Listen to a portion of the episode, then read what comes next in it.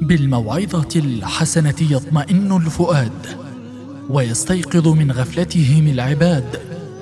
وبدروس ديننا العظيم تهدأ النفوس وتستقيم. بساتين من المواعظ والنفحات الإيمانية نقدمها لكم في برنامجكم الرمضاني طمئن فؤادك. مع فضيلة الشيخ الدكتور محمد سالم. أعوذ بالله من الشيطان الرجيم. بسم الله الرحمن الرحيم. الحمد لله رب العالمين والصلاة والسلام على سيدنا محمد وعلى آله وصحبه ومن والاه. مستمعي الأكارم مستمعو راديو الشباب أسعد الله أوقاتكم بكل خير. وتقبل الله تعالى منا ومنكم صالح الأعمال. وإننا لنسعد بلقائكم عبر هذه الموجة ضمن برنامج طمئن فؤادك لنتحدث في هذه الحلقة في ظلال موضوع من الموضوعات المتعلقة بالعلاقة بين الإنسان المخلوق وبين الله تعالى الخالق. فالإنسان بطبعه خطاء كثير الزلل في حق الله تعالى وفي حق نفسه وفي حق الآخرين. وهو بحاجة دائمة إلى مغفرة خطاياه ولا يكون ذلك إلا بالاستغفار الذي نحن بصدد الحديث عنه في هذه الحلقة فالاستغفار هو طلب المغفرة من الله تعالى باللسان والقلب معا وهو مستحب في كل الأوقات والأحوال خاصة بعد العبادات ليكون كفارة لما يقع فيها من خلل أو تقصير.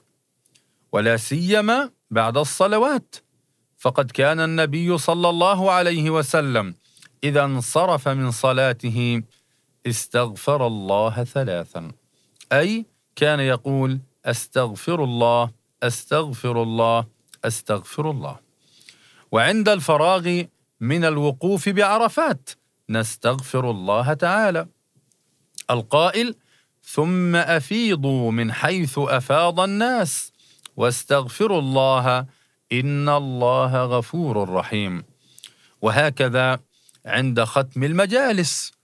فعندما نختم مجالسنا نقول سبحانك اللهم وبحمدك نشهد أن لا إله إلا أنت نستغفرك ونتوب إليك. ونستغفر الله في أوقات السحر. هذا الوقت وقت الثلث الأخير من الليل الذي ينزل فيه ربنا سبحانه وتعالى إلى سماء الدنيا. هل من سائل فأعطيه؟ هل من مستغفر فأغفر له؟ فنكثر من الاستغفار وهو أفضل ذكر في الثلث الأخير من الليل وقت السحر هو الاستغفار. وفي الكبر أي حينما يكبر الإنسان وعند اقتراب ختام العمر يكثر الإنسان من الاستغفار. قال الله سبحانه وتعالى إذا جاء نصر الله والفتح ورأيت الناس يدخلون في دين الله أفواجا فسبح بحمد ربك واستغفره إنه كان توابا. وكانت هذه الصورة الكريمة إشارة إلى قرب ودنو أجل النبي صلى الله عليه وسلم الذي كان يستغفر الله تعالى على الدوام. وهو الذي غفر له ما تقدم من ذنبه وما تأخر. ليعلمنا هذه الطاعة العظيمة. إذ قال عليه الصلاة والسلام والله إني لأستغفر الله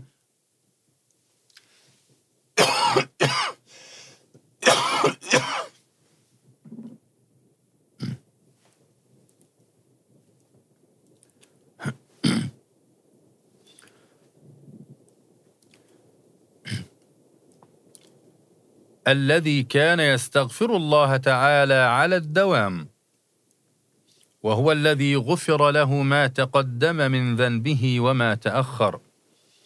ليعلمنا هذه الطاعة العظيمة. إذ قال النبي عليه الصلاة والسلام والله إني لأستغفر الله وأتوب إليه في اليوم أكثر من سبعين مرة.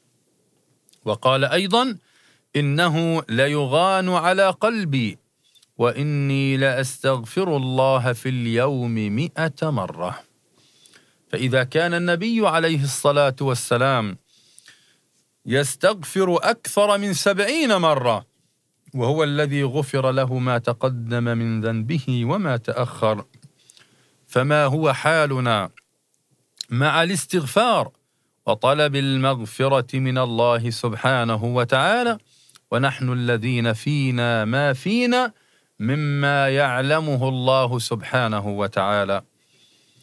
واعلموا أيها المستمعون الأكارم أن للاستغفار شروطا حتى يقبل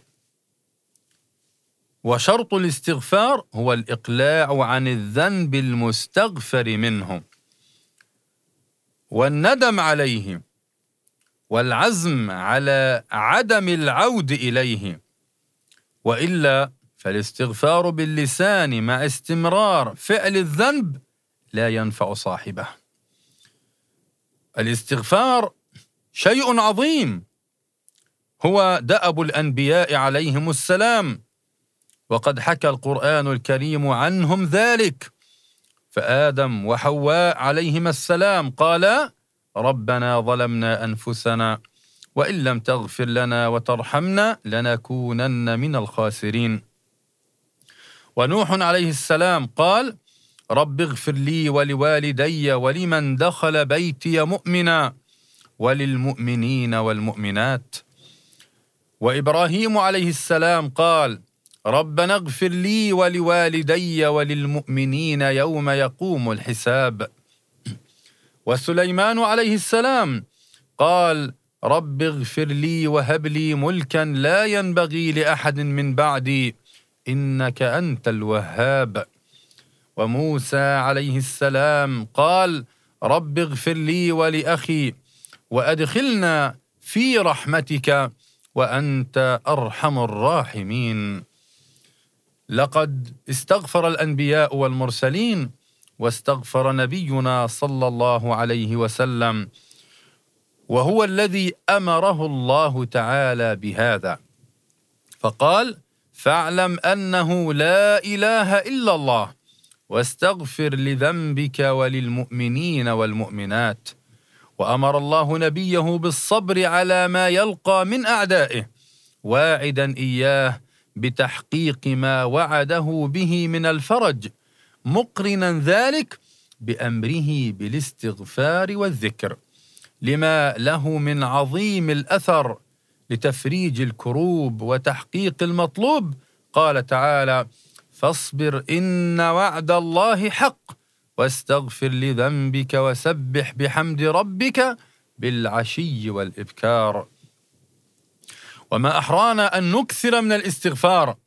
ونحن نصبر على ما نجد من أعداء الله سبحانه وتعالى من اليهود الظالمين الجاثمين على أرضنا الذين يحاصروننا منذ سنين طويلة الذين يرتكبون الاعتداءات صباح مساء في حق قدسنا وأقصانا وأبناء شعبنا. ما احرانا أن نتسلح بطاعة الله سبحانه وتعالى وأن نستغفر لذنوبنا وأن نكثر من تسبيح الله سبحانه وتعالى وذكره بالعشي والإبكار. رجاء رجاء أن ينصرنا الله عز وجل وينظر إلينا نظرة عطف وحنان.